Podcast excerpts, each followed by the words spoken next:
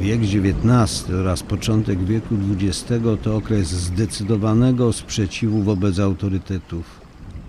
W tamtym czasie zachodnia cywilizacja, niczym syn marnotrawny, odrzuciła najpierw autorytet Kościoła, następnie autorytet Pisma Świętego, a ostatecznie autorytet religii i moralności w systemach politycznym, gospodarczym i społecznym.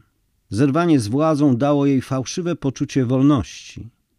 Podobne wrażenie miał zapewne syn marnotrawny w pierwszych chwilach rozwiązłego życia. Trudno się dziwić, że rozumienie wolności zostało wypaczone, skoro odłączono ją od prawdy i odpowiedzialności.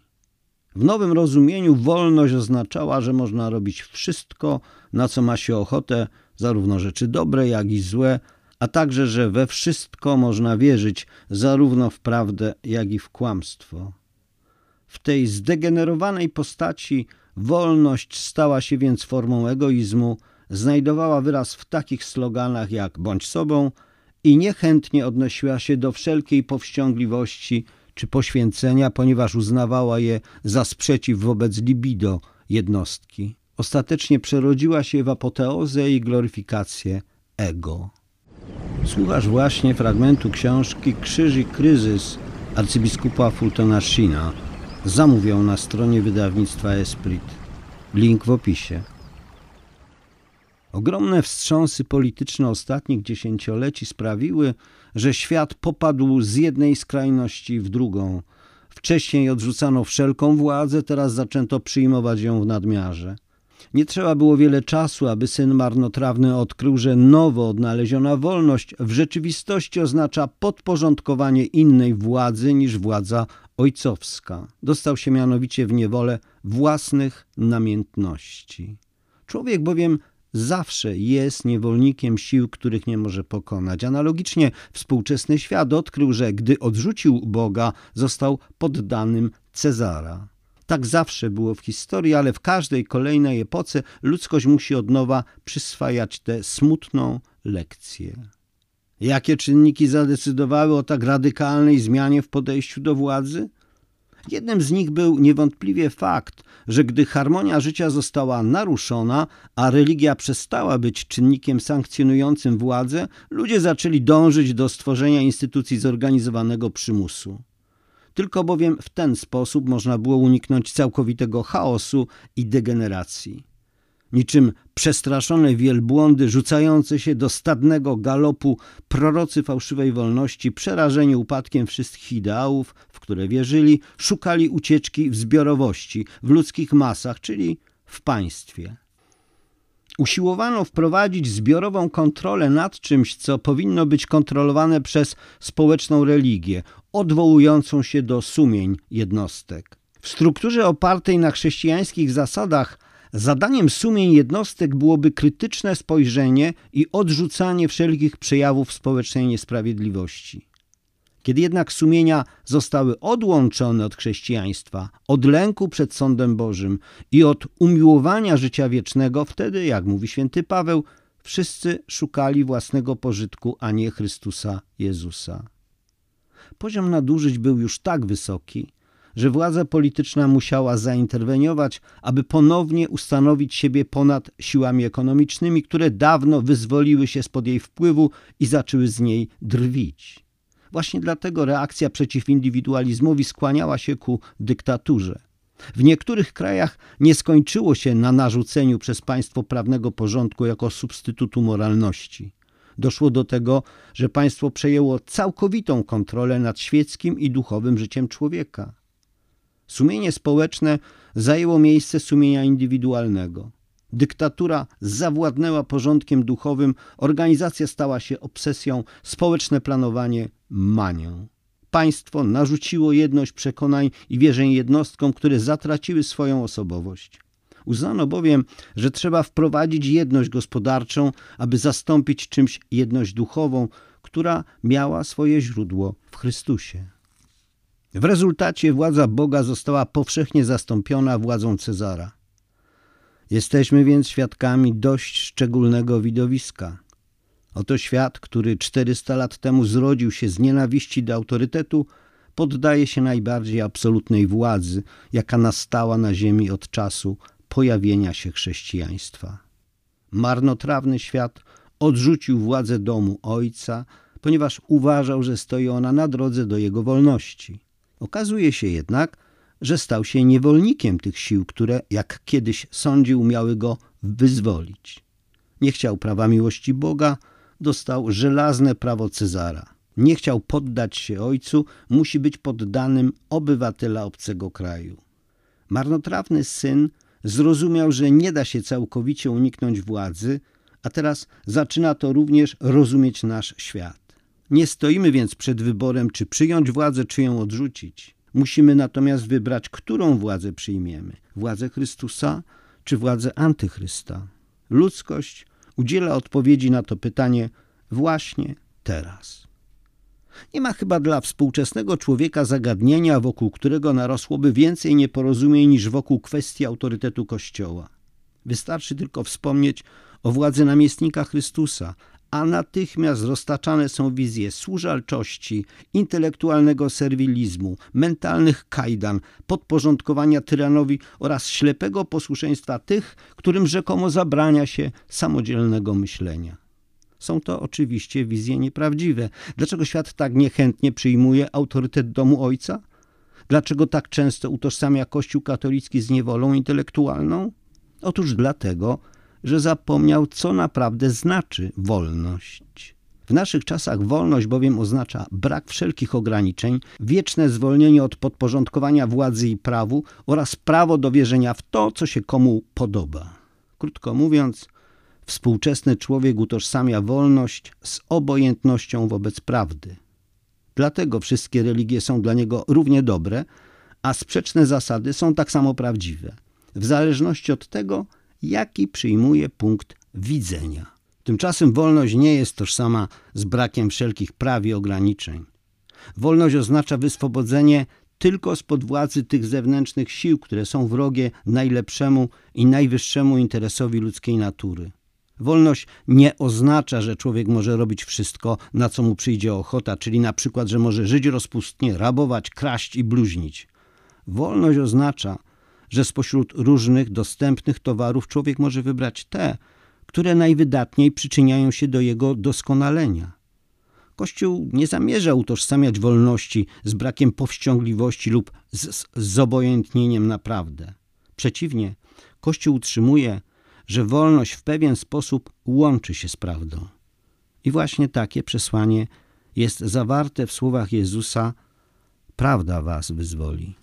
Ale jak prawda może nas wyzwolić? Otóż prawda ma moc wyzwalania dlatego, że posłuszeństwo wobec jej nakazów daje ludzkiej istocie możliwość osiągnięcia doskonałości. Aby to zrozumieć, rozważmy pewien przykład. Oto prawda o trójkącie mówi nam, że jest to figura, która ma trzy boki. Mogę więc narysować trójkąt tylko pod warunkiem, że dochowam wierności prawu jego wewnętrznej natury i dam mu trzy boki, a nie w przypływie otwartości cztery czy nawet czterdzieści. Prawda o zdrowiu jest taka, że ciału trzeba dostarczać pożywienia.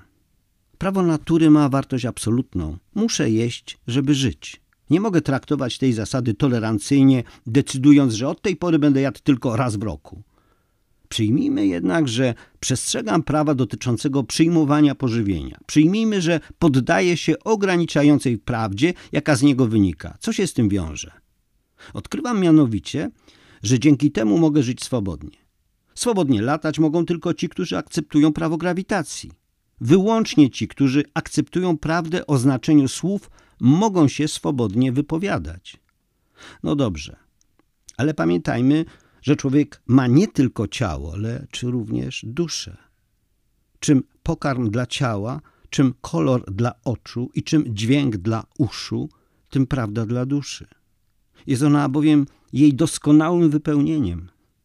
Najpełniejszej wolności doświadczam zatem wtedy, gdy żyję w zgodzie z prawdami, które umożliwiają najdoskonalszy rozwój całej mojej istoty oraz gdy poddaję się prawom i dyscyplinie, dzięki którym życie dąży do swojej pełni. Tak jak nie mogę żyć swobodnie, jeśli świadomie naruszam prawa i prawdy dotyczące zdrowia, Tak też nie mogę swobodnie dążyć do osiągnięcia pełni całej mojej istoty, jeśli nie żyję w zgodzie z prawdami fizycznego, umysłowego i duchowego porządku, w którym poruszam się i istnieję. Być wolnym to znaczy panować nad samym sobą. Właśnie ten fakt uświadomił sobie syn marnotrawny dzięki bolesnym doświadczeniom. Zrozumiał, że nie da się całkowicie uciec od prawa. Gdy bowiem je odrzucił, przekonał się, że krępują go inne prawa. Prawa namiętności i nałogów, którym się poddał. Podobnie rzecz się ma z cywilizacją zachodnią. Od 400 lat eksperymentuje ona z wolnością i w końcu zaczyna zdawać sobie sprawę, że nie ma czegoś takiego jak wolność rozumiana jako brak wszelkich ograniczeń. Odkrywa, że wolność nie oznacza prawa do łamania zasad bożych i ludzkich. Świat utożsamiał wolność z obojętnością naprawdę, a teraz gubi się w labiryncie błędów. Mierzył wolność w kategoriach braku autorytetu, a teraz stwierdza, że nigdy wcześniej nie podlegał tak okrutnej, tyranicznej władzy. Chciał społeczeństwa całkowicie wolnego, w którym każdy, kto miałby taką zachciankę, mógłby nosić broń, a dowiaduje się, jakim ciężarem jest konieczność zachowywania ciągłej czujności. Chciał ustroju, w którym każdy byłby wolny. I po niewczasie zauważa, że w takim ustroju wolni są tylko silni.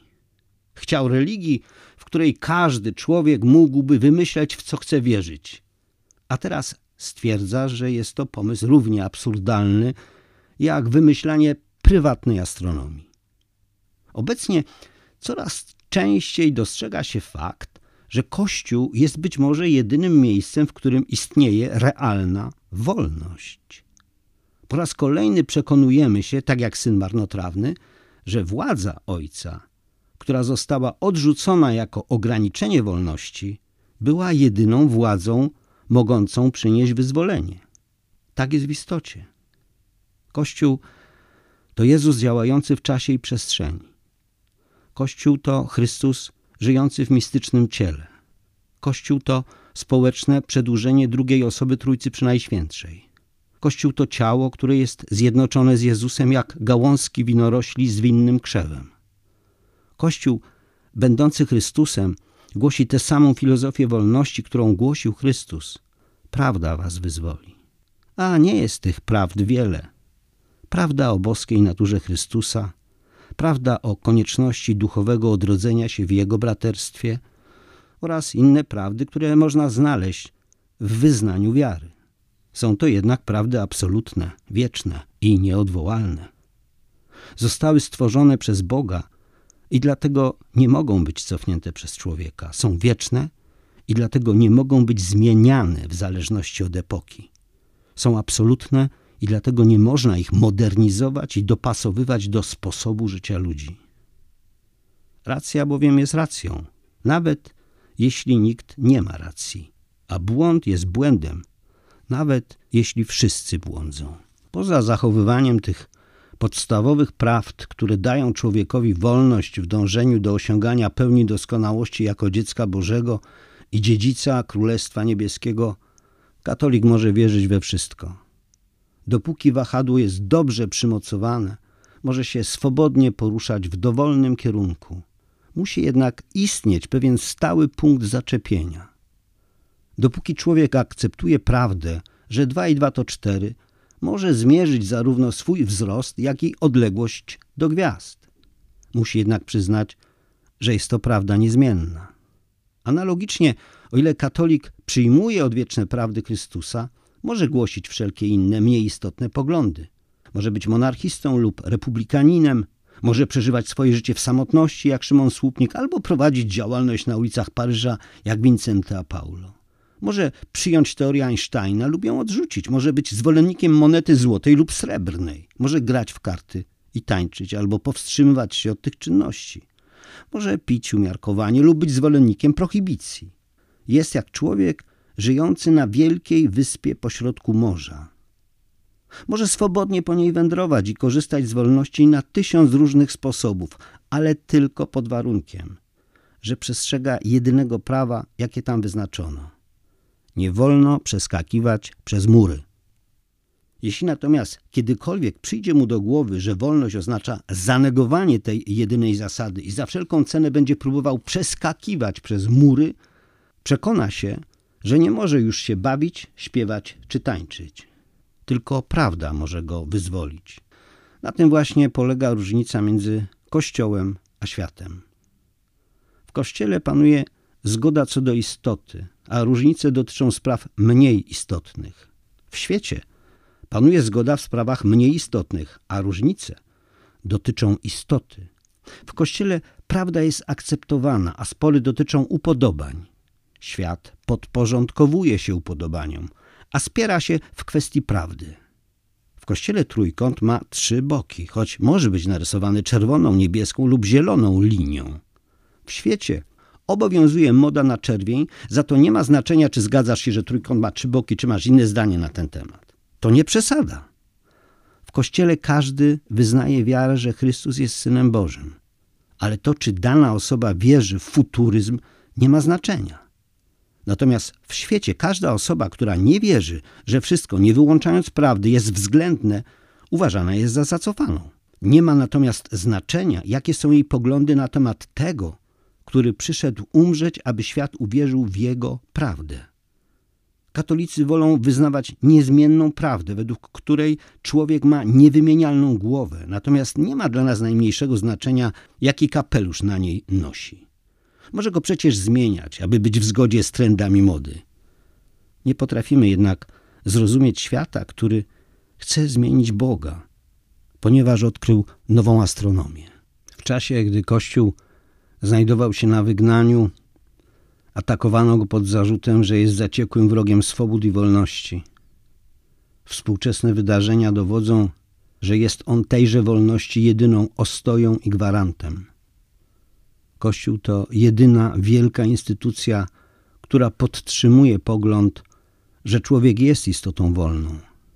Każde słowo wypowiadane obecnie przez Kościół jest protestem przeciwko nowemu zniewoleniu. Nowy rodzaj zniewolenia różni się od niewolnictwa dawnych czasów, które miało charakter fizyczny. Niewolnik nie miał dostępu do owoców pracy swoich rąk i nie otrzymywał zapłaty za przelany pot. Jego praca, jego zdolności, jego ciało, jego żona i jego dzieci należały do człowieka, którego był własnością. Nowy rodzaj niewolnictwa ma charakter nie fizyczny, lecz duchowy i moralny. Czasami dotyczy również ciała, czego przykładem może być Rosja. Przede wszystkim jednak dotyka duszy, sumienia, wolnej woli i osobowości.